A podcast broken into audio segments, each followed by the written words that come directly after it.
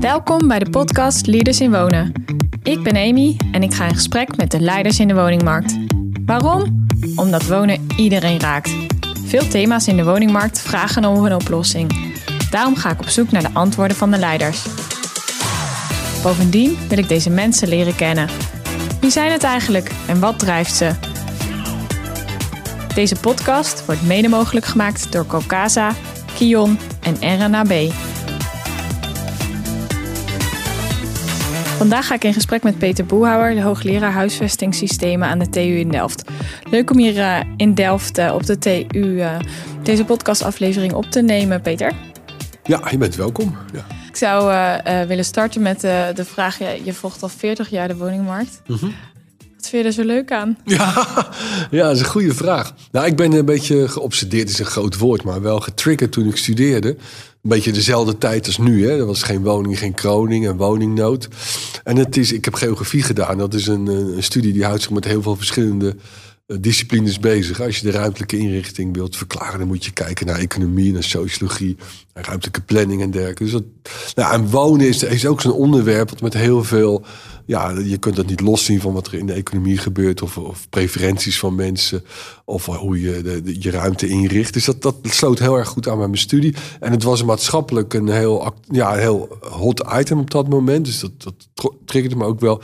En ik was ook actief bij de jonge socialisten, de Partij van de Arbeid. En dat, dat was ook een onderwerp wat, wat ik daar goed kwijt kon.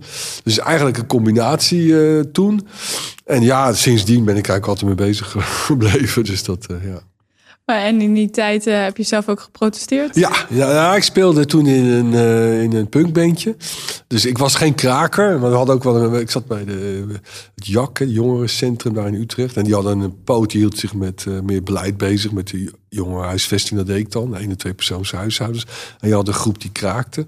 Maar wij speelden dan wel eens op die kraken. En dan, dat was er zo'n krakenacteur. En dan moest je dan uh, met je gitaartje naar het Domplein. En dan ging je naar zo'n uh, zo'n pand en dan speelden we dan. Dus wij, dat was in de tijd van uh, geen woning, geen kroning. Hè. Dus heel veel opgetreden toen ook. Dat was echt protestbeweging. Ja. Maar en de, en de liedjes waren dan wel gewoon echt puur vermaak? Of zaten er ook teksten bij? Nou, het waren natuurlijk in het Engels. Maar dat waren natuurlijk ja, waren allemaal maatschappelijk kritische teksten. Ja, ja dat klopt. Ja, ja. Mooi. Maar en uh, je zegt het heeft me nooit meer losgelaten, die woningmarkt. Is er ooit uh, ergens in je carrière nog wel een punt geweest dat je, dat je een andere richting op had kunnen gaan? Oh ja, nou ik ben op een gegeven moment ben ik afgestudeerd en toen ben ik op de universiteit blij, blijven werken. En uh, zat ik ook bij de vakgroep, die hield zich daar ook mee bezig. Dus dat kon ik blijven doen. En toen ben ik, naar, ben ik gepromoveerd in Utrecht. En na vijf jaar ben ik bij de TU gaan werken. Omdat die, ja, die hadden op dat moment, nu nogal vind ik hoor, maar wel de grootste groep die zich met wonen en volkshuisvesting bezig hield. Hugo Primus zat daar natuurlijk. En daar wilde ik graag bij, uh, bij zijn. Dus toen ben ik uh, geswitcht. En ja, sindsdien. Uh... Maar goed, het is ook een heel breed onderwerp. Je hebt het over financiering, je hebt het over sociale aspecten, je hebt het over ruimtelijke aspecten. Er is, ja, het, is, het is heel breed. Dus dat maakt het ook, blijft interessant natuurlijk. ja. ja. Nou ja, dat herken ik. Met, uh, met deze podcast ja. uh, kan ik ook alle, alle ja. kanten op. Um, maar jij houdt je vooral dan ook bezig met het woningmarktbeleid. Um, ook, en um, uh, dan zie ik op de website staan twee vragen die je, die je wil beantwoorden met, met de studie. Hoe maak je beleid op de woningmarkt en hoe kun je beleid evalueren? Kijk, wat, wat wij doen is in principe, we kijken naar gewoon hoe de markt zich ontwikkelt. Dus dat betekent zowel aanbod als vraag. Hè. Dus dat, doen we en we kijken hoe, hoe je daarop kunt anticiperen. Dus blijft toch altijd. We noemen het wel eens de. Ja, in de literatuur wordt het de wobbly pillar van de, in de welvaartsta, in de genoemd. Het is altijd zoeken naar een juiste evenwicht. En je ziet ook door de tijd heen dat dat heel erg wisselt. En ja, ik ben ook een aantal ja, twee, twintig jaar geleden heb ik ook een grote studie gedaan, internationaal vergelijkend onderzoek naar hoe beleid in alle aantal landen zich ontwikkeld heeft. En uh, ik ben ook voorzitter van het European Network for Housing Research. Hè. Dat is een grote koepel van uh, ja, bijna wereldwijd uh, huisvestingsonderzoekers. En dat, dat, ja, je ziet dat het gewoon per land, ja, dat, dat, dat er andere keuzes worden gemaakt. En dat maakt het gewoon super interessant. Dus dat, en in de, in de tijd ook wel. Dus dat, ja, dus, dus, dus aan de ene kant wat er gebeurt op de markt, vraag aanbod. En aan de andere kant hoe, hoe, uh, hoe beleid daarop reageert. En ja, in, in, in wisselwerking dan. Hè? Ja, en als je Europees kijkt of naar andere landen, ja. wat elk land reageert op zijn eigen manier. Maar wat zouden wij als Nederland nou kunnen leren van andere landen? Of wat, wat zijn voorbeelden die je wel eens aanhaalt? Ja, nou, ja, er zijn de echte systemen. Hè? Dus, dus je hebt echt al in het verleden zijn keuzes gemaakt uh, tussen landen, waardoor je best wel grote verschillen ziet. Maar wij hebben natuurlijk wel een paar hele bijzondere. Hè? Bekend hoe de manier waarop wij eigen woningbezit stimuleren met die fiscale behandeling. Dat, dat kun je in het buitenland bijna niet uitleggen. Dat, dat wij dat nog steeds op, uh, op deze manier doen. Dat is natuurlijk een hele onhandige, onhandige manier van, uh, van werken. Dat is zo'n voorbeeld. Dat je denkt van ja. En ook wel de manier waarop wij de corporatiesector behandelen met die verhuurderheffing. Er zijn eigenlijk twee dingen die krijg ik niet uitgelegd aan buitenlandse collega's. Is dat wij sociale huursector belasten. Dat, en in de meeste landen kost het alleen maar heel veel geld. En bij ons levert het geld op. Dat is heel bijzonder. En dat we eigen woningbezit zo sterk ondersteunen. Ja, dat zie je eigenlijk ook bijna nergens meer. Dus, dus fiscaal dan. Hè? Dus dat zijn, ja, op dat punt wijken we echt af van de meeste andere landen. En zie je daar wel een verandering in komen? Zeker. Hè? Dus het, de, je ziet dat de fiscale ondersteuning wordt natuurlijk geleidelijk minder. Hè? Dus het wordt nu ook afgebouwd naar de eerste schijf. Nou, dat, dat, zo hebben ze bijvoorbeeld in Denemarken of in, Scandinavië ook geregeld. Uh, en je ziet natuurlijk dat nu de verderheffing gelukkig wordt afgeschaft. Dus wat dat betreft uh, worden we weer wat normaler, zou je ja, kunnen ja, zeggen. Ja, nee, dus die, die um, voorbeelden zijn er natuurlijk wel. Maar zie je ook echt dat... Uh, um, nou, dat die afschaffing er helemaal gaat komen. Of dat het echt uh, van die fiscale voordelen, dat het echt wel ja, nog verder afgebouwd gaat worden. Nou, dat weet ik niet. Dat is natuurlijk een politieke afweging. Uh, je ziet natuurlijk een enorme discussie nu rond vermogen. Hè. Hoe gaan we mm. vermogen belasten? Dat is natuurlijk in Nederland, dat is ook waar Nederland echt wel afwijkt ten opzichte van andere landen. We heel veel belasting heffen op, uh, op arbeid. En veel, veel minder op vermogen. En je hebt een aantal landen, daar heb je al, als je je woning verkoopt, dan moet je al een deel belasting afdragen van de overwaarde die je dan genereert. Dus de, ja, dat is wel heel typisch Nederlands. Hè? Dat we vermogen zo weinig belasten. En daar is natuurlijk de laatste twee jaar heel veel aandacht voor. Ook door die enorme prijsstijgingen. Mm. Dus dat, dat zal ook wel in de toekomst wel uh, echt wel uh, worden opgepakt. Alhoewel politiek blijft dit een heel uh, precair en lastig onderwerp. Hè? Dus dat, Maar en heb jij heel veel gesprekken daar ook over met de politiek? Ja, nou ja. Ik, ik Wordt om jouw mening gevraagd? Ja, nou ja, soms ja. Ik, ja, ik heb wel regelmatig contact met Kamerleden, maar die laten zich echt niet aan, niks aan mij gelegen liggen. Dat zijn natuurlijk vooral politieke, ideologische keuzes die ze maken. Dus daar heb ik absoluut geen invloed op. Kijk, vanuit de academie zitten wij natuurlijk heel erg aan het begin van, van de ideeënvorming. het idee dat je, nou ja, er zijn bijna alle economen het wel over eens dat je die fiscale behandeling moet aanpakken. Ja, dat bestaat al twintig jaar, dat inzicht. En dat gaat dan heel geleidelijk komt het dan eh, richting de, de beleids- en de, en de politiek. Maar dat zijn natuurlijk gewoon, dat zijn gewoon keuzes die, hè, de belangen die spelen. En dat maakt het ook heel ingewikkeld, omdat de meerderheid van de Nederlandse bevolking heeft een eigen woning. En ja, ga daar maar eens een beslissing nemen die niet direct hun ten goede komt. Dat is gewoon een hele moeilijke politieke afweging. Die moet je maken. Hetzelfde geldt in locaties, lokaal. Als er gekozen moet worden om te bouwen, ja, dan zie je toch veel wethouders en gemeenteraadsleden terugdeinzen voor de, voor de inbreng van de zittende kiezers. Hè. De, de bewoners daar die willen niet dat stukje weiland bebouwd hebben. Terwijl voor het algemeen belang zij dat heel graag willen.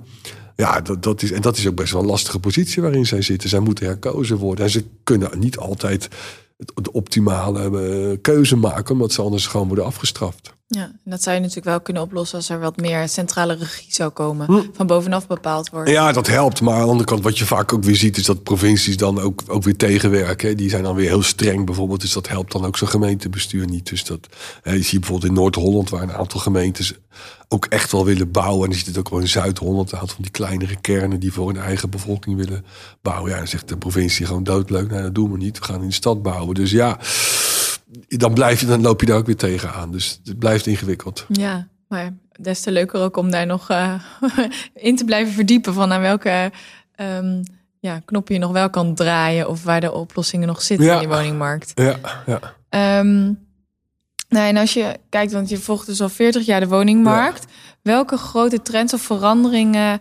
um, heb jij gezien over de tijd? Als je gewoon even uitzoomt.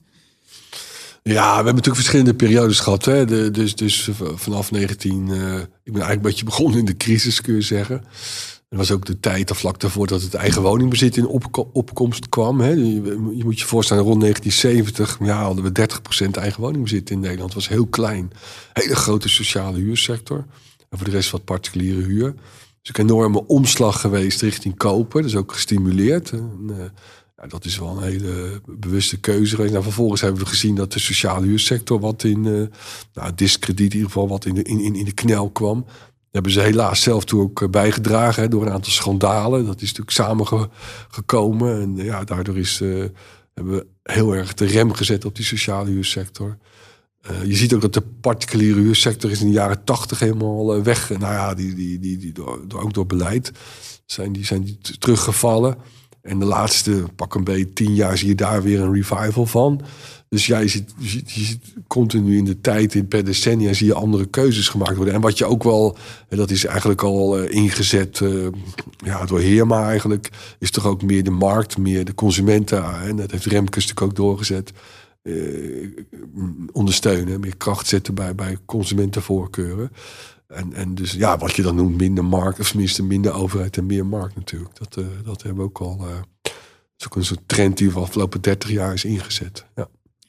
Um, ik ben nog wel benieuwd naar jouw persoonlijke mening. Want, of, want je kijkt natuurlijk echt vanuit een wetenschapper naar de markt. Maar wonen raakt, raakt iedereen. Ja, tuurlijk. Heb je persoonlijke um, ja, voorbeelden waarvan je denkt, daar word ik dan echt boos of fel om als ik gewoon kijk naar de woningmarkt. Ja, ik vind hoe die jongeren... Ik heb natuurlijk ook kinderen, die zijn gelukkig ja. nog, nog gelukkig nog geland op de woningmarkt. Maar ja. ook, ook, best wel laatste met moeite. Ja, ik vind hoe we met jonge generaties omspringen, vind ik echt niet kunnen.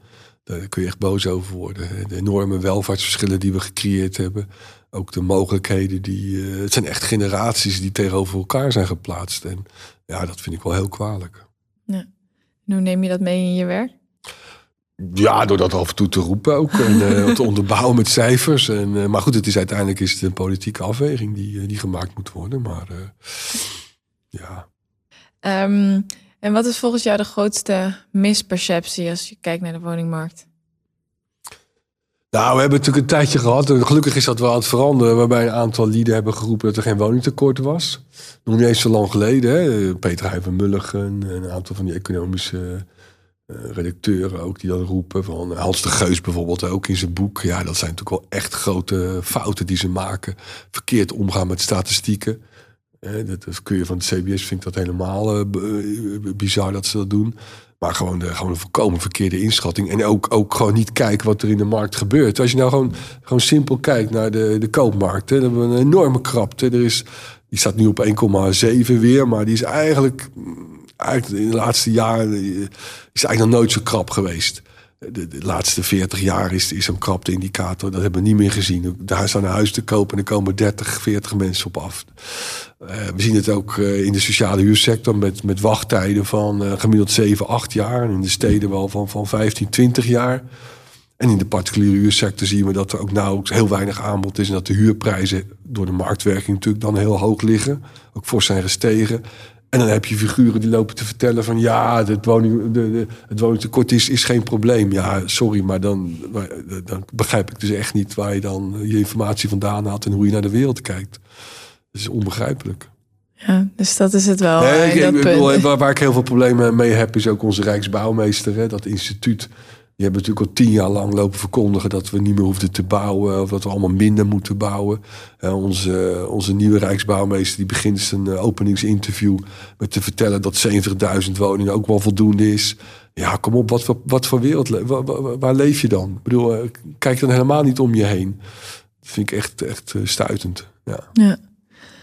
En um, je noemt zelf eigenlijk, uh, ja, vanuit jouw rol kan je natuurlijk heel goed overzien welke problemen er nu zijn op de woningmarkt. Ja. En ook welke oplossingen daarvoor mogelijk zijn. En ik zou ze graag met je langs willen lopen. En ik heb in veel van de andere afleveringen al deels van die problemen geraakt. En misschien nog uh, te weinig gepraat over de oplossingen. Dus daarin uh, vind ik dat uh, helemaal interessant om met jou verder over te praten. Maar ik denk de disbalans tussen vraag en aanbod is echt, nou ja, de, de kern uh, ja, van. van wel, ja. ja. Uh, en daar, ja, het antwoord daarop is uh, eigenlijk in de meeste gevallen bouwen, bouwen, bouwen. Ja. Um, ja, zou je daar iets meer nog over kunnen vertellen? Wat, nou ja, er is, er is inderdaad gewoon een tekort. Dat kun, je, dat kun je deels door bouwen kun je dat oplossen. Maar dat is vooral iets voor de lange termijn. Hè? Ik bedoel, als je kijkt gewoon naar de bouwvergunningen... de laatste twee jaar zijn alleen maar iets afgenomen. ook de productie is iets afgenomen. Dus, dus de komende twee, drie jaar gaat dat helemaal niet gebeuren. Maar goed, bouwen is natuurlijk wel een oplossing. Maar daarnaast kun je natuurlijk ook je bestaande voorraad veel efficiënter inzetten. Dat uh, is natuurlijk een enorme mismatch als je kijkt naar huishoudensgrootte, ook door de veroudering en, uh, en woonruimteconsumptie. Dus daar kan je, en ook samenwonen in huizen kun je bevorderen. Dus dat kun je op een veel efficiëntere manier uh, kun je dat inzetten. En je kunt natuurlijk ook tijdelijk woningen kun je ook neerzetten. Wat, wat wij echt nodig hebben eh, nu, de komende jaren, is een soort flexibele schil. Hè? Want we hebben natuurlijk wel allemaal prachtig gedefinieerd van hoe een huis eruit moet zien. Heel duurzaam en aan allerlei eisen voldoen. En uh, bouwbesluiten en weet ik allemaal. Nou, dat kost ongelooflijk veel tijd en moeite en geld om dat te organiseren. En aan de andere kant slaap je op straat. Hè? Dat is ongeveer de twee uitersten die we hebben. Dus als jij in, in, in een vechtscheiding terechtkomt en je moet acuut een woning hebben, dan zegt de corporatie dood leuk. Nou, wacht maar tien jaar. Ja, daar heb je niks aan. Uh, heel veel, door de hoge huizenprijzen. In het verleden waren mensen die koophuis nog wel in staat om dan twee huizen te verkopen. En eventueel voor de partner nog een huis te kopen. Nou, dat is voor veel mensen ook al niet meer mogelijk. Nou, en in de particuliere huursector zien ze ook niet. Hè, is het ook nauwelijks aanbod? Nou, dan, dan mag je blij zijn als je bij vrienden op de bank kan gaan mhm. slapen. Of je kan naar een vakantiepark. En ook die worden trouwens in toenemende mate gesloten. Dus we hebben niks daartussen. Hm. Nou, dat, dat, je ziet dat continu, zie je dat ook uh, dat, uh, misgaan als er, uh, nou, bijvoorbeeld bij studenten. Hè, we hebben 26.000 kamers tekort voor studenten. Het is gewoon schaamteloos hier wat we op de TU doen ook. We nodigen allemaal PhD's en studenten uit het buitenland uit, maar we hebben geen huisvesting voor ze. Ja, dat, dat kan gewoon niet. in Groningen hè, hebben ze mensen op straat. Uh, die krijgen docenten op, op opleidingen krijgen het verzoek om, om, om studenten in huis te nemen. Ja, dat, kan toch, dat kan toch niet. Daar moet je iets aan doen. Of je moet je studentenpopulatie beperken, of je moet die, die, die flexibele ruimte. Nou ja, goed, we hebben nu Oekraïne. We hebben Syrië gehad. We hebben helemaal niet de mogelijkheid om als er zo'n zo'n ramp zich voordoet om, om daarop te acteren. Dus we hebben, nou ja, dan hebben we nog de arbeidsmigranten. Uh, er wordt nu doodleuk door de Europese Unie. Ik ben er trouwens wel voor hoor, gezegd van ja, we moeten mensen uit uh, Tunesië en uit uh, Egypte en Marokko moeten we als tijdelijke arbeidskracht gaan werven. Ja, dat is leuk voor die bedrijven, maar waar gaan die mensen wonen dan? Ga dan ga dat nou eens organiseren. Dus je hebt een soort flexibele schil nodig. Kunnen tijdelijke woningen zijn. Dat, met minder kwaliteit ook, waar je snel mensen tijdelijk kunt, eh, kunt, kunt, kunt huisvesten. En dat is echt nodig tussen de, de traditionele uh, woningen die we hebben en het op straat wonen. Daartussen, daar moet echt iets komen op korte termijn. En ja, dat, en, en, dat hebben we ja, dat hebben allerlei groepen hebben dat, kunnen dat. Dan kun je de ene keer inzetten voor studenten, dan voor arbeidsmigranten, dan voor vluchtelingen, dan voor mensen die gaan scheiden. Maar zo'n zo, zo'n ventiel hebben we gewoon hard nodig. Ja.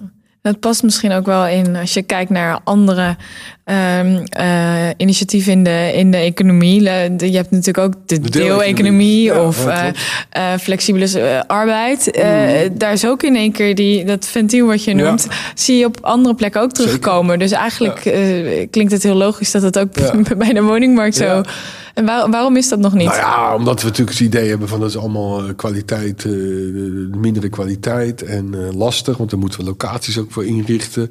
Uh, hoe gaan we dat financieren? In principe is natuurlijk het idee van iedereen moet gewoon grondwetartikel, iedereen moet gewoon goed, goed, goed kunnen wonen. Dus we hebben helemaal die inferieure producten niet nodig. Maar ja, we hebben ze dus wel nodig, want we zijn niet in staat om het op de reguliere manier te doen. En bovendien is ook de ja, de pieken, en de, de, pieken zijn te groot. Als, je, als er zo'n zo, zo vluchtelingencrisis ontstaat, ja, dan zijn we iedere keer hebben we weer die AZC's afgeschaald. Mm. Komen we lopen weer tegen problemen op. Nou, als je nou een wat ruimere, flexibele schil hebt, dan kan je daar een beetje mee ademen. Dan kan je tegen studenten zeggen een tijdje van, nou ga dan maar een tijdje thuis wonen. Dat kan ook, hè.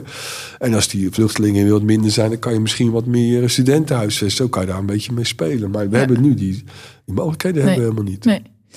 Um, een ander uh, probleem wat ik heel veel terug heb gehoord is betaalbaarheid. Ja. Um, nou ja, onder andere in het interview wat ik had met uh, Arjan Vliegendhart ja. van Nibud, maar ook met Marja Appelman vanuit oh, BZK ik zou wel iets meer willen horen wat jij daar ook ziet als um, ja, de oplossingen die we daarvoor kunnen aandragen. Ja, het is best wel ingewikkeld. Die, die betaalbaarheid speelt met name, dat zou je niet verwachten bij de mensen, de huurders met de laagste inkomens. En die hebben al een lage huur, hè, die hebben al huurtoeslag. En nog zijn die niet in staat om rond te komen. Dat zal Arjen ook verteld hebben. Ongeveer een kwart van de huurders sociaal niet de helft maatschappelijk. Ja, en dan moet je natuurlijk afvragen, waar, waar, zit dan het probleem? Zit hem dat in, in, in de huren zijn die te hoog? Ja, die zijn op zich, als je gewoon sec kijkt, niet zo hoog. Daar is vooral een inkomensprobleem. En daar hebben gewoon, en gelukkig gaat nu het minimumloon en de uitkeringen gaan wat omhoog. Maar in feite zijn mensen gewoon met die, met die uh, inkomens zijn niet in staat, zijn niet zelfredzaam. En je hebt natuurlijk een aantal noodzakelijke uitgaven. En dan ja, de restpost is dan wonen. En dan kom je tekort op het wonen. Dat is wat er gebeurt. Dus ja, daar zit de oplossing toch echt in het, in het, in het verhogen van die uitkeringen. Uh, deels. Uh, ja. Ehm, en, en, en, en, en ja, aan de andere kant is dat je nog lagere huren, dat je nou ja, die huursubsidie uitbreidt, maar dat is in feite dan ook, of die huurtoeslag, dat is ook in feite een soort inkomensondersteuning wat je dan doet. Een ander probleem zit hem bij, uh, bij uh, huurders in de particuliere huursector. Hè. Daar zie je dat, dat inkomensquotes van 40, 50 procent heel normaal zijn.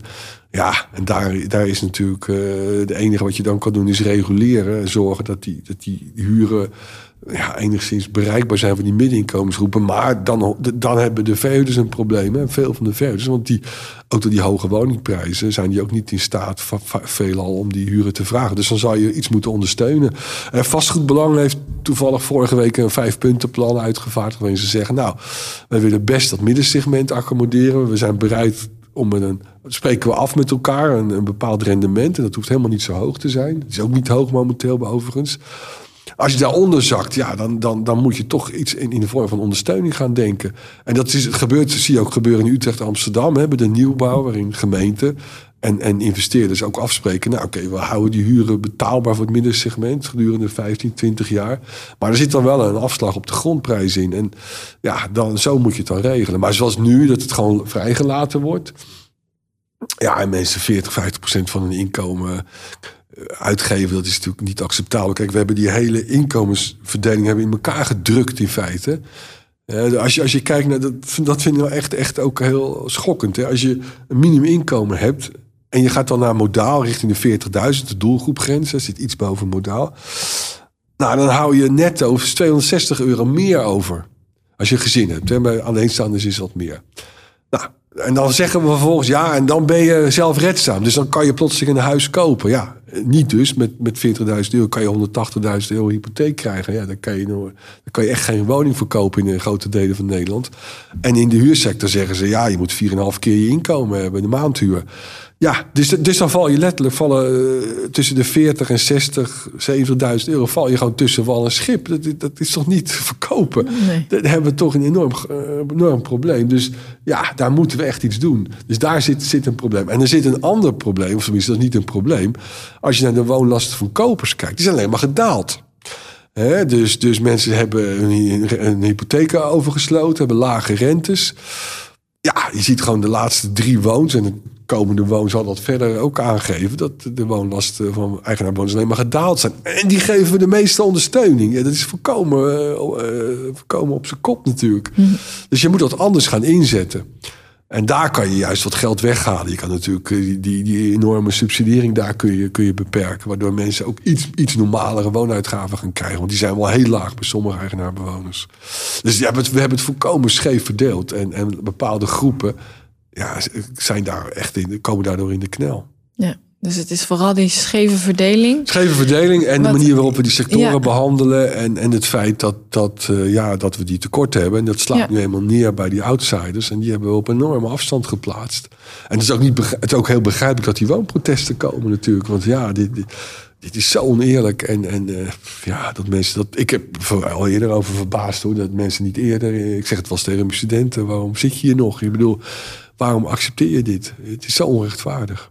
Ja, dus toch maar weer die uh, punkbeentjes uh, op. Ja, ja, ja nou, dat zie je ook wel. Je ziet de protestbeweging natuurlijk wel opkomen. Ja. terecht. Ja. ja.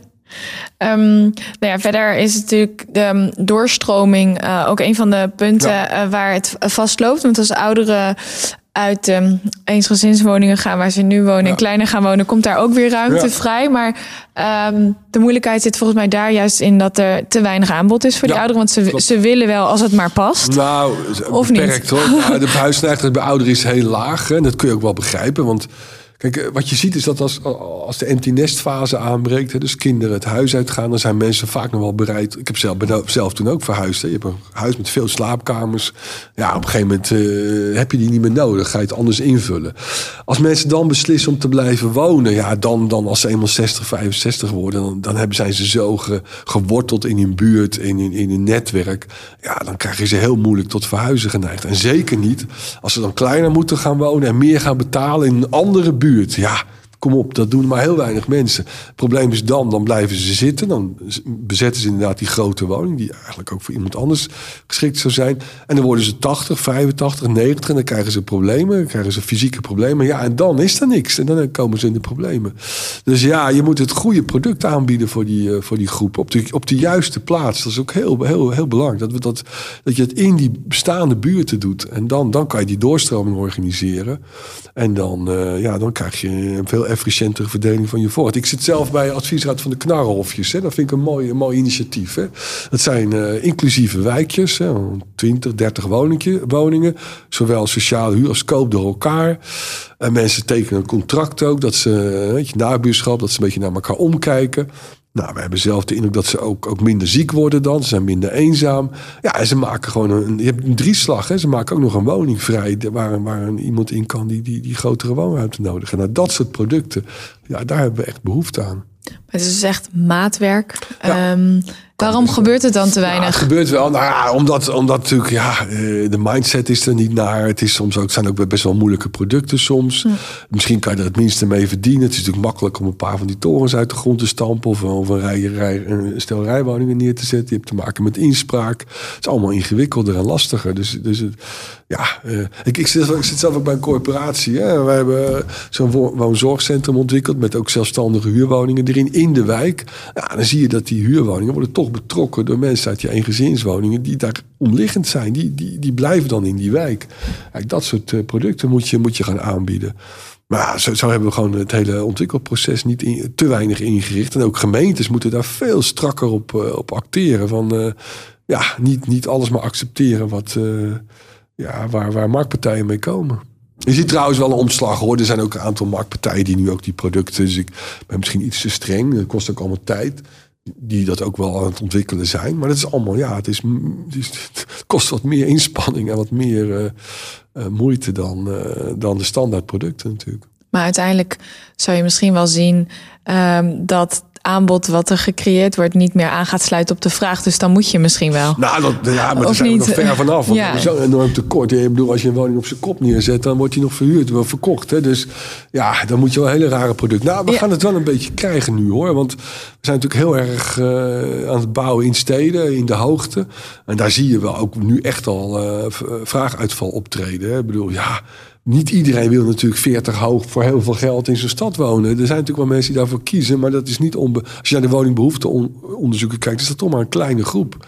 En dat is wel de producten die we nu heel veel gaan aanbieden. Dus ja, daar, dat gaat wel tegen grenzen aanlopen. Ja. Uh, verder uh, noem je ook de leefbaarheid van een wijk als een van ja, de problemen. problemen. Um, uh, Martin van Rijn mm. haalt het aan vanuit Edes. Mm. Woningcorporaties hebben daar natuurlijk ook een belangrijke rol in. Mm -hmm. um, hoe is dat beter op te lossen, dit, dit probleem? Of waar is het misgegaan? Ja, dat is natuurlijk voornamelijk onder, onder onze grote roerganger, die heer Blok, is dat natuurlijk valikant misgegaan. we hebben decennia lang hebben we wijkenbeleid gevoerd en daarin geïnvesteerd. En toen was het verhaal van, ja, we zijn klaar. Ik heb niet zoveel met wijken. Alleen Rotterdam-Zuid zijn we gelukkig nog in blijven investeren vanuit het Rijk dan. Ja, dat is gewoon over de schutting gegooid. En, ja, en vervolgens zijn we gaan zeggen... ja, die sociale huursector die moet zich ook nog concentreren... op de laagste inkomensgroepen. Ja, wat krijg je dan? En, oh ja, en ook nog mensen die uit instellingen komen... en, en statushouders moeten ook allemaal in de sociale huursector. Ja, kom op, dan hoef je toch niet geleerd te hebben... of, of heel veel verstand te hebben... dan te bedenken dat dat na een aantal jaren fout gaat. Nou, dat is ook precies wat er gebeurt. Je ziet, de schattingen zo rond de 700.000, 800.000 woningen in wijken waar gewoon de leefbaarheid onder druk staat en het gewoon niet de goede kant op gaat. Ja, ik bedoel, dat is toch logisch als je dit, als je dit beleid organiseert op deze manier. Dat, dat, iedereen heeft dat, niet iedereen, onze minister niet blijkbaar, maar de meeste mensen die zich met dit onderwerp bezighielden hebben hiervoor gewaarschuwd. En ja, het gaat nu maar eens om, ombuigen. Dat is best wel ingewikkeld. Ja, dat... is echt, echt falend beleid geweest. Echt, echt heel falend beleid. Ja. Ja, en dat kost dus wat je zegt ook tijd om dat weer uh, om te buigen.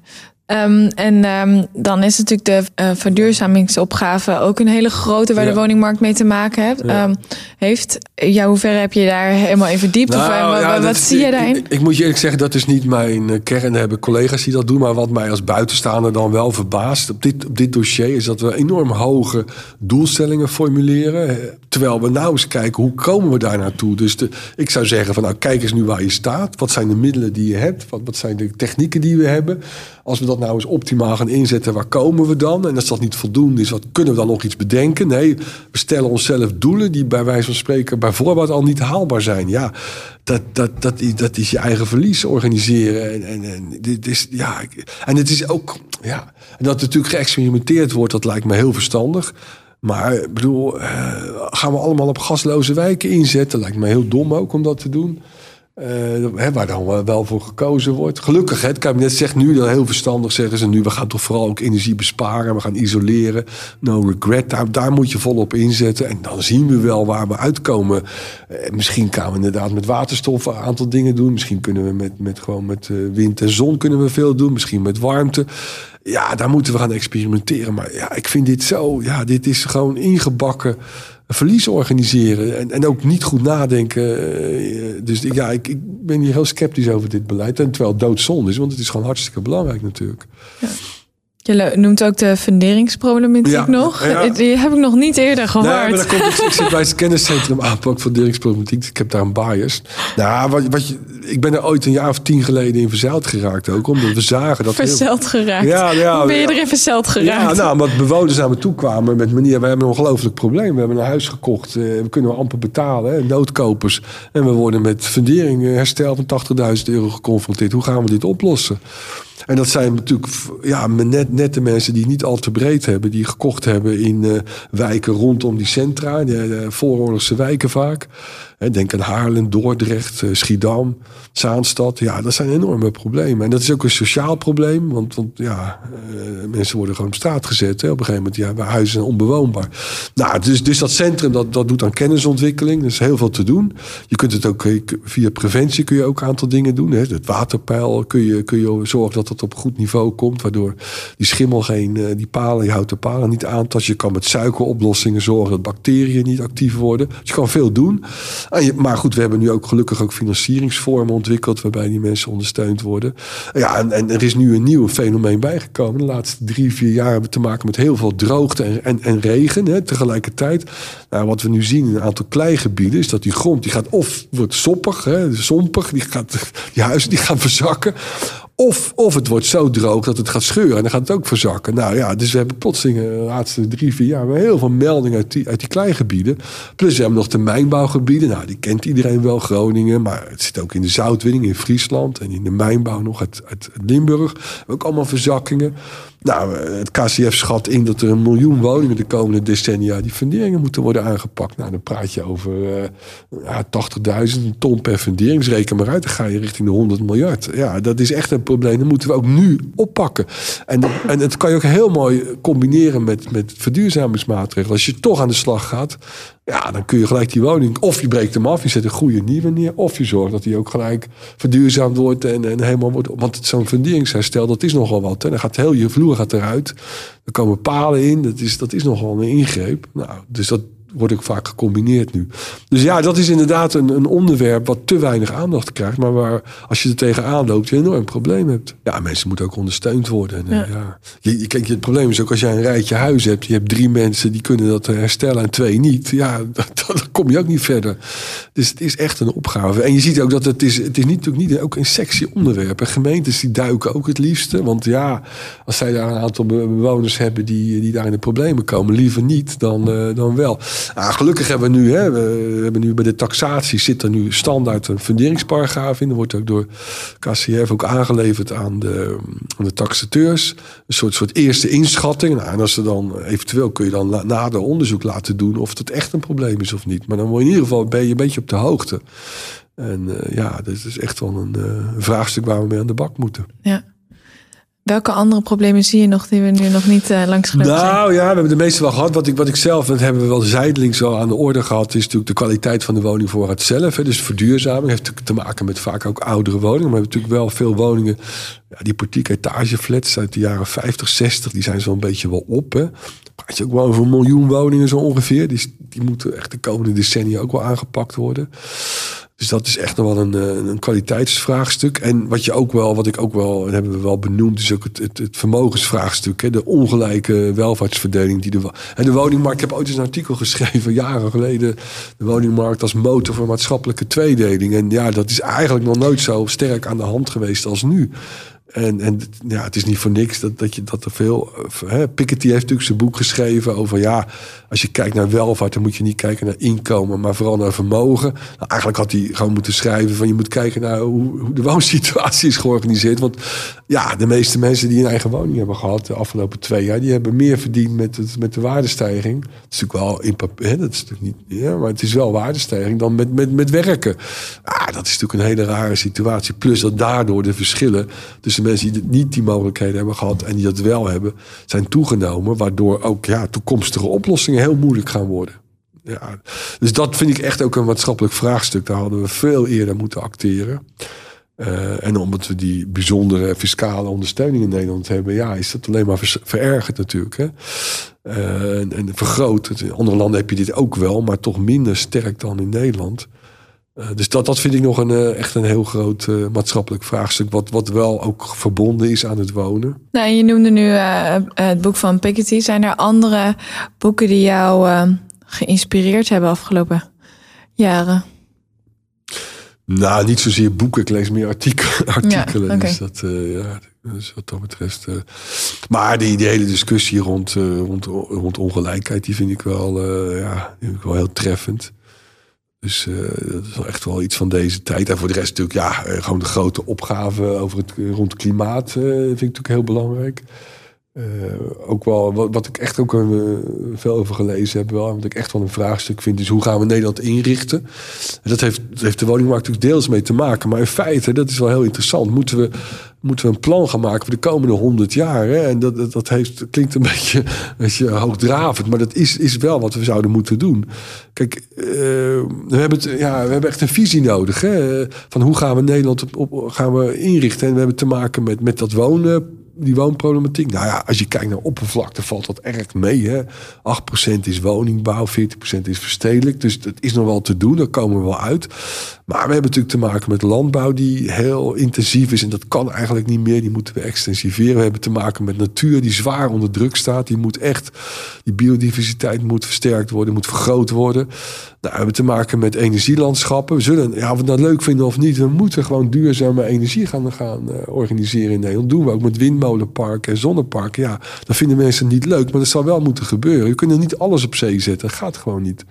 Dus dat, dat speelt. En we hebben natuurlijk veel meer waterbergingscapaciteit nodig. Want ja, die enorme toevloed van water. Plus dat natuurlijk, we hebben te maken met bodemdaling. Hè, die is nog veel sterker dan zeespiegelstijging overigens. Waardoor die afvoer van die rivieren ook steeds meer problemen oplevert. Als we tegelijk veel water, dat krijgen we ook door klimaatverandering. Hebben we gewoon andere inrichting van Nederland nodig. Ja, en daar moeten we, moeten we over na gaan denken. En dat, ja, met name VVD en CDA, die zijn daar toch echt, hebben een enorme steken laten vallen, vind ik, de afgelopen eh, jaren. Door daar te weinig aandacht voor te, te hebben. En dat betreft erg ik me echt aan onze minister-president. Iemand die daar zit en dan daar dan een visie op zou moeten hebben, eh, ons moet voorgaan en dan roept van ja, ik eh, visie, dat is iets voor, ja, dat, heb ik niet. Dat doen, gaan we dan op de share. Ik bedoel, dat vind ik zo droevig en, en zo in, maar goed, dat is aan het veranderen nu. Maar dat is echt een enorme opgave die we hebben. Die gaat veel verder dan alleen maar de woningmarkt natuurlijk. Die is, dat is daar onderdeel van, maar... En het is ook heel leuk. We kunnen Nederland ook, ook toekomstbestendig maken. We kunnen het duurzamer maken. We kunnen het ook veel mooier maken. ik, kom zelf uit het Groene Hart. Ja, dat is gewoon, daar moet echt iets gebeuren. Daar, daar is, is dat veen aan het oxideren. Dat waterpeil staat veel te laag. Het is niet houdbaar. Dat verdampt ook deels, dat veen. Er komt heel veel stikstof vrij. Uh, die, die koeien hebben natuurlijk enorm veel uitstoot. Uh, ja, daar moeten we iets. Daar, daar, daar, daar moet andere teelt komen. Maar daar kunnen we ook, ook woning bouwen. En natuur kunnen we combineren. Ja, daar moeten we echt over gaan nadenken. Mooi. Nou, dat ga ik allemaal niet meemaken. Maar je kunt wel, je kunt wel die discussie daarover starten. En, en, en keuzes, no regret keuzes gaan maken. En we hebben bijvoorbeeld nu discussies van... eh, Ja, sommige mensen roepen van... moeten stoppen met bouwen in, het, eh, in westelijk Nederland. Nou, dat, dat hoeft volgens mij helemaal niet. Maar je moet er wel... Hoe dan wel? Hè? Daar moet je wel over gaan nadenken. Dus, dus, en dat is ook wel interessante ontwikkeling. Hè? Dat vijfde dorp. Hè? De, Zuidplaspolder wordt een nieuw dorp... in een hele lage polder gebouwd. Nou, hoe ga je dat nou op een goede manier doen? Hè? Dat je rekening houdt met, met die... Met die waterberging. Dat je, dat je ervoor zorgt dat die mensen niet onder water komen te staan. Ja, dat je ook met natuur op een goede manier omgaat. Dat zijn de mooie uitdagingen waar we voor staan. Dus oh, hartstikke leuk natuurlijk. Maar dat moet je wel gaan doen. In een volgend interview uh, spreek ik uh, Esme Wiegman. Zij uh, werkt voor Valente, de branchevereniging voor participatiebegeleiding en veilige opvang. zij heeft ook een achtergrond in um, zorg en welzijn. En dat ik ook wel een mooie combinatie zorg, welzijn en wonen. Daar hebben we het nog niet over gehad. Maar ik ben wel benieuwd welke vraag jij uh, voor haar zou hebben voor een volgend interview. Nou, mijn vraag zou nog niet veel meer het concept housing first moeten introduceren. Dus traditioneel wat we doen is, we, we, mensen die in problemen komen, maatschappelijk gezien, die gaan we dan eerst die problemen oplossen. En als dat allemaal georganiseerd is, gaan we ze een huis geven. Maar je ziet veel, of in het buitenland ook veel, Amerika, Engeland ook dat geeft mensen nou eerst eens een huis en zorgt dat ze een stabiele situatie uh, terechtkomen. Maar gaan dan het probleem oplossen. Dus mijn vraag is eigenlijk, zouden we niet veel meer dat housing first concept moeten, uh, ja, moeten omarmen in Nederland? Um, en zou je verder nog iets willen toevoegen over, dat, uh, over zorg, welzijn en wonen? Hoe dat nu in Nederland gecombineerd wordt en waar daar nog mogelijkheden liggen? Ja, goed, het gaat natuurlijk over die discussie rond, rond scheiden, scheiden van wonen en zorg en dergelijke. Dat, dat, daar worden niet de optimale keuzes gemaakt, hè, omdat dat niet goed. Hè. We hebben natuurlijk, ja, we hebben, we hebben al die verzorgingstehuizen hebben we gesloten. Het is van zelfstandig wonen. Verval je plotseling naar het verpleeghuis. We zijn die hele, dat, dat hele intermediaire, dat midden gebeuren, zijn we kwijtgeraakt. Daar zijn natuurlijk ook al die collectieve woonvormen nu. En die, en die en dergelijke, die springen daarin. Ja, dat, dat is volgens mij ook. Uh, dan kunnen we veel optimaler organiseren, denk ik, dan, dan we nu doen. Ja, dus optimalisatie en een uh, bredere visie uh, voor heel Nederland, dat zouden eigenlijk wel twee. Ja, en dat, en dat scheiden van wonen en zorg hebben we volgens mij te veel doorgezet. Je moet dat op een veel, veel effectievere manier moet dat combineren dan, dan we nu doen. Dat, ja. Ben ik nog iets vergeten als het gaat echt over de woningmarkt? Nou ja, wat, wat, we hebben het niet over trends gehad, hè, maar waar, waar ik me wel ernstig zorgen over maak, is nu de enorme stijging van de kapitaalmarktrente. Dat is natuurlijk heel actueel, maar als dat doorzet, dan, ja, dan dreigen we ook weer in een recessie terecht te komen. Als het, als het echt doorzet, dan hebben we helemaal problemen natuurlijk. Dus dan, dan wordt ook de bouw van woningen wordt nog moeilijker. Ik denk niet dat er zoveel mensen onder water komen. Dat zal allemaal wel loslopen nog. Maar ja, de, dat, is wel, dat, dat, hangt wel boven ons hoofd momenteel. En dat heeft ook bij alles te maken met, met toch wel onverantwoord beleid naar, van onze, onze banken en onze toezichthouders. En veel te lang die rente laag gehouden, veel te lang gestimuleerd. Ja, en nu staan we met lege handen en, en gebeurt dat ons. Nou ja, dat, dat is iets wat op, de woningmarkt op de korte termijn, uh, het spook van de renteverhoging, dat dreigt nu. En dat, ja, dat hebben we deels ook weer zelf, ook voor gewaarschuwde allerlei deskundigen van, ja, maar ja. En dat, dat is wel, uh, ja, voor de rest hebben we natuurlijk, is het hopen, dat we snel in de Oekraïne, dat we tot een oplossing komen. Want, nou ja, goed, dat is van een andere orde natuurlijk. Hè, dat, ja. ja. Um... Ik zou uh, graag willen overgaan naar, uh, naar jou uh, persoonlijk, waar je zelf ben, ben opgegroeid. Ja. Um, in wat voor omgeving was dat? Ja, de eerste tien jaar heb ik in Gouda gewoond. Dus, en, en, en, toen ben ik in Zoetermeer gaan wonen. Dat was wel heel leuk. Dat was een, een stad in, in opkomst. Hè. Een geplande stad. Ik ben ook daar nog momenteel voorzitter van het architectuurpunt. Dus er zijn hele mooie dingen gebeurd. Ook stedenbouw en architectuur in die jaren. Dus het was echt een tijd van, ja, van wederopbouwen. Tenminste in de zin van nieuwe stad bouwen. Waar heel veel kon. En een hele leuke school ook gezeten, zo'n Dalton school. Dus ik heb daar hele goede ervaringen uh, heb ik daar, uh, op gedaan. En mijn kinderen, deel, twee van de drie kinderen wonen er ook nog in dezelfde wijk waar ze zijn opgegroeid. Dus ja, er is te, te weinig waardering voor dit soort gemaakte steden, zullen we maar zeggen. Dat, en waarom is dat er, de, denk je, te weinig? Nou, mensen kennen het niet. Hè. Die denken dat er alleen maar geslapen wordt. En toen hadden we natuurlijk ook heel veel gewerkt. En er is ook ontspanning, veel groen, veel vertier. Dus ja, en, het is gewoon onbekend dus, uh, ja. maar, maar qua, qua stedenbouw en architectuur natuurlijk hele mooie experimenten en mooie voorbeelden. Dus ja. En als je kijkt naar um, jouw opvoeding, wat heb je van huis uit echt meegekregen? Ja, ik ben in, uh, in een uh, sociaal-democratisch uh, gezin opgevoed. Hè? Dus altijd wel actief zijn in de politiek geweest. Dat, ja. Dus maatschappelijk wel heel actief. mijn ouders altijd geweest. En mijn broer en mijn zus ook wel. Dus wat dat betreft ja, hebben we wel meegekregen vanuit huis. Ja. Ja, en geef je dat zelf nu ook door aan je kinderen? Nee, eigenlijk niet. Nee, dat moeten ze zelf weten. Nee, nee, nee ze zijn, nee dat doe ik eigenlijk niet. Moet iedereen voor zich moet dat doen. Maar, ja. Ja. En wat was je eigen eerste zelfstandige woning? Uh, zelfstandige woning? Ja, dat was een woning van de corporatie. Dat zou ook nu niet meer kunnen. Ik was toen beginnend wetenschappelijk medewerker. En mijn vrouw was verpleegkundige. Nou, wij konden toen nog gewoon ik stond toen een paar jaar ingeschreven. Kon nog dat was een iets duurdere woning wel, iets luxere. Maar gewoon van de woningcorporatie. Dus heb ik een paar jaar gewoond. Ja, en dan komen de kinderen. En dan wil je toch een grondgebonden woning. Ja, die hebben ze dan natuurlijk niet voor je.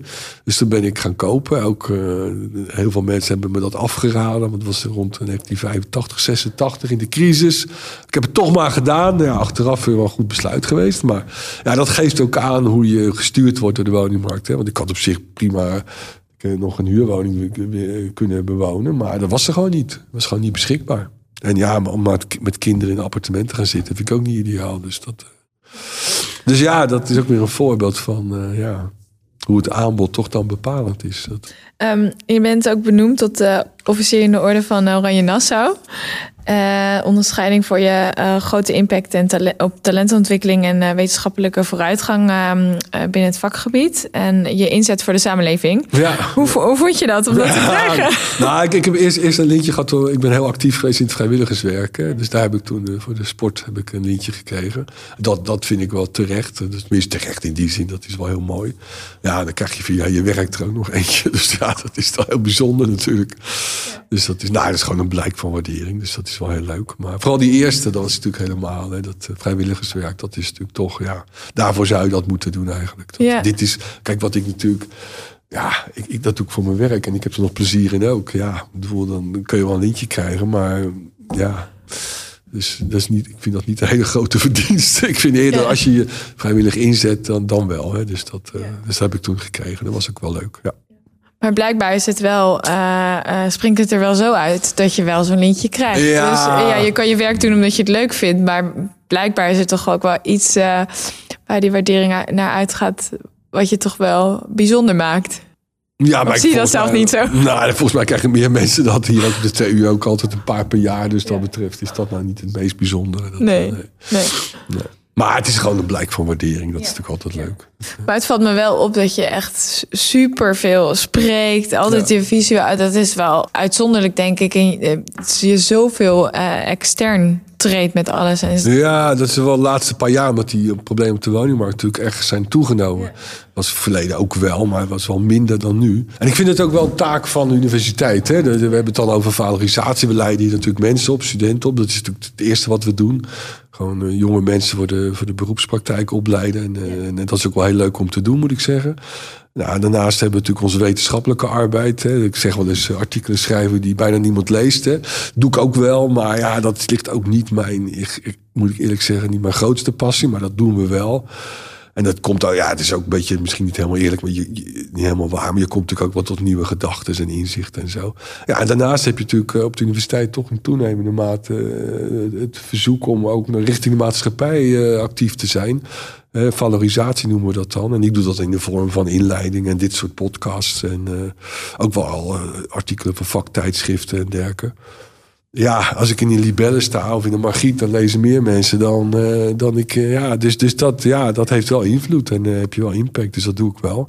En ik moet je eerlijk zeggen, inleidingen geven, ja, dat vind ik gewoon hartstikke leuk om te doen. En ook in discussie gaan met mensen. Dus dat, dat is gewoon een feestje. Dus dat, dat is geen straf. En ik, je ziet het ook in de, in, de, in de beoordeling van wetenschappelijk onderzoek tegenwoordig. Hè. Er is ook wel een, een verandering vindt er plaats. In het verleden was het inderdaad alleen maar ja, hoeveel peer-reviewed articles schrijf je nou en hoeveel proefschriften neem je op. En tegenwoordig kijken ze ook echt wel naar, naar dit soort dingen. Hoe, hoe, hoeveel inleidingen geef je? Ben je actief in de maatschappij? En ja, ik zit ook in heel veel adviesraden en dergelijke. En dat, nou, dat, dat versterkt elkaar ook wel. Dus daardoor krijg je ook wel, ja, ben je in staat om wat, wat, wat verschillende inzichten te combineren. Als je natuurlijk alleen maar bezig bent met één onderwerp, ja, dat, uh, dat gaat ook niet opschieten.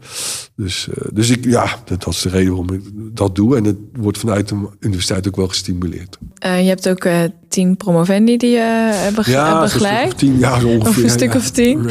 Um, wat vind je zo mooi daaraan? Nou, dat is natuurlijk een van de leukste dingen om op de universiteit te werken. Is, hè, als je ziet hoe jonge mensen zich ontwikkelen, hoe ze groeien. Dat is gewoon heel leuk om te zien. En uh, ja, die gaan er natuurlijk uh, met uh, alle energie. En ik heb natuurlijk zelf ook die fase doorgemaakt. Dat is natuurlijk, ja, dat wordt vaak gezegd. Van, ik ben natuurlijk wat ouder. Als je dan met jonge mensen mag werken, dat is natuurlijk hartstikke leuk. En, en ja, dus dat. Is vooral de combinatie van het werken, dat maakt het interessant. En dit is, dit is zeker een, een mooi onderdeel ervan. En, uh, ja. en uh, je vertelde net uh, in het voorgesprek al dat je ook um, een aantal kleinkinderen hebt. Ja. Dus uh, niet alleen de promovendi houden je jong, maar ja. ook de kleinkinderen waar je nu tijd mee doorbrengt. Um, als je kijkt naar gewoon nu de, de jongeren om je heen, wat valt jij nog op aan, aan de jeugd? Nou, ik vind ze wel een stuk maatschappelijker geworden. Ze hebben een tijdje gehad dat het wel heel erg zakelijk was. En iedereen komt voor zichzelf op. En ik zie wel, ook bij mijn studenten zie ik dat nu wel meer. Toch veel meer uh, die maatschappelijke uh, betrokkenheid. Meer naar elkaar omkijken. Dus ik vind dat betreft wel uh, positieve wijziging hoor. Dat men meer ook. En, en ook, dat is ook wel logisch. Want de, de problematiek en de problemen waar we ons voor staan. Hè, de opgaven zijn ook wel heel groot. Maar je ziet wel dat jonge generaties daar veel actiever mee bezig zijn weer. En dat, dat had ik natuurlijk zelf toen ik jong was ook. Hè. Dat was ook natuurlijk met. Ja, dat was de uh, No Future generatie. Hè. Dat, uh, ja, op een gegeven moment. Dat was eigenlijk nog wel zwarter dan nu misschien.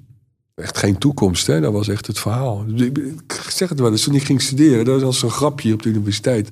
Als je gaat studeren, dan zeggen ze tegen je van... ja, je moet links en rechts kijken, want die mensen zie je volgend jaar niet meer. Die vallen af. Ja, de helft valt ongeveer af altijd, hè, zo ongeveer. Dat was in mijn tijd ook. Maar toen zeiden ze ook nog bij, ja, je zult nooit meer werk vinden. Nou, dan kom je daar als 18-jarige... en dan vertel, wordt er verteld aan je dat je nooit meer gaat werken. Ja, het is wel goed dat je studeert, zeiden ze dan, want het uh, is goed voor je algemene ontwikkeling. Maar, ja, ja, maar dat was een beetje de tijd, hè. Ja, ja, ja. En nu is natuurlijk vooral de toekomst van... ja, hoe gaan we om met het milieu, met, ja. met onze omgeving... Dat zijn natuurlijk wel hele fundamentele vraagstukken. Dat, uh, ja. Ik uh, zeg eigenlijk altijd de uh, volgende zin en dan mag jij hem afmaken. Ja. Wonen in 2030. Ja, meer gemeenschapszin. Dus meer maar, maar, maar elkaar omkijken, meer samenwonen, denk ik. Dankjewel voor dit uh, gesprek. Heb je zelf nog iets uh, toe te voegen? Nou, we hebben zoveel besproken, ja. dat zou ik niet durven. Dat, uh, Bedankt voor je tijd en heel erg mooi om dit gesprek met jou te voeren naar alle andere afleveringen die ik heb gehad. Om eigenlijk een, een, breder beeld van die woningmarkt te krijgen. En nou, heel erg leuk om te zien dat je nog met zoveel enthousiasme uh, die, die woningmarkt bekijkt. En ik, ik snap het heel, erg, heel erg goed, omdat het gewoon uh, steeds in beweging is. Ja. Um, uh, de componenten veranderen, um, de markt verandert. Maar ik hoop dat je de komende jaren nog je hart in blijft zetten voor de woningmarkt. Ja, ik ga mijn best doen. Dankjewel. Dankjewel. Leuk dat je luisterde naar de podcast Leaders in Wonen. Voordat we afsluiten wil ik graag de partners van deze podcast bedanken. Calcasa, Kion en RNAB. Vergeet je niet te abonneren bij Spotify of Apple. Tot de volgende aflevering.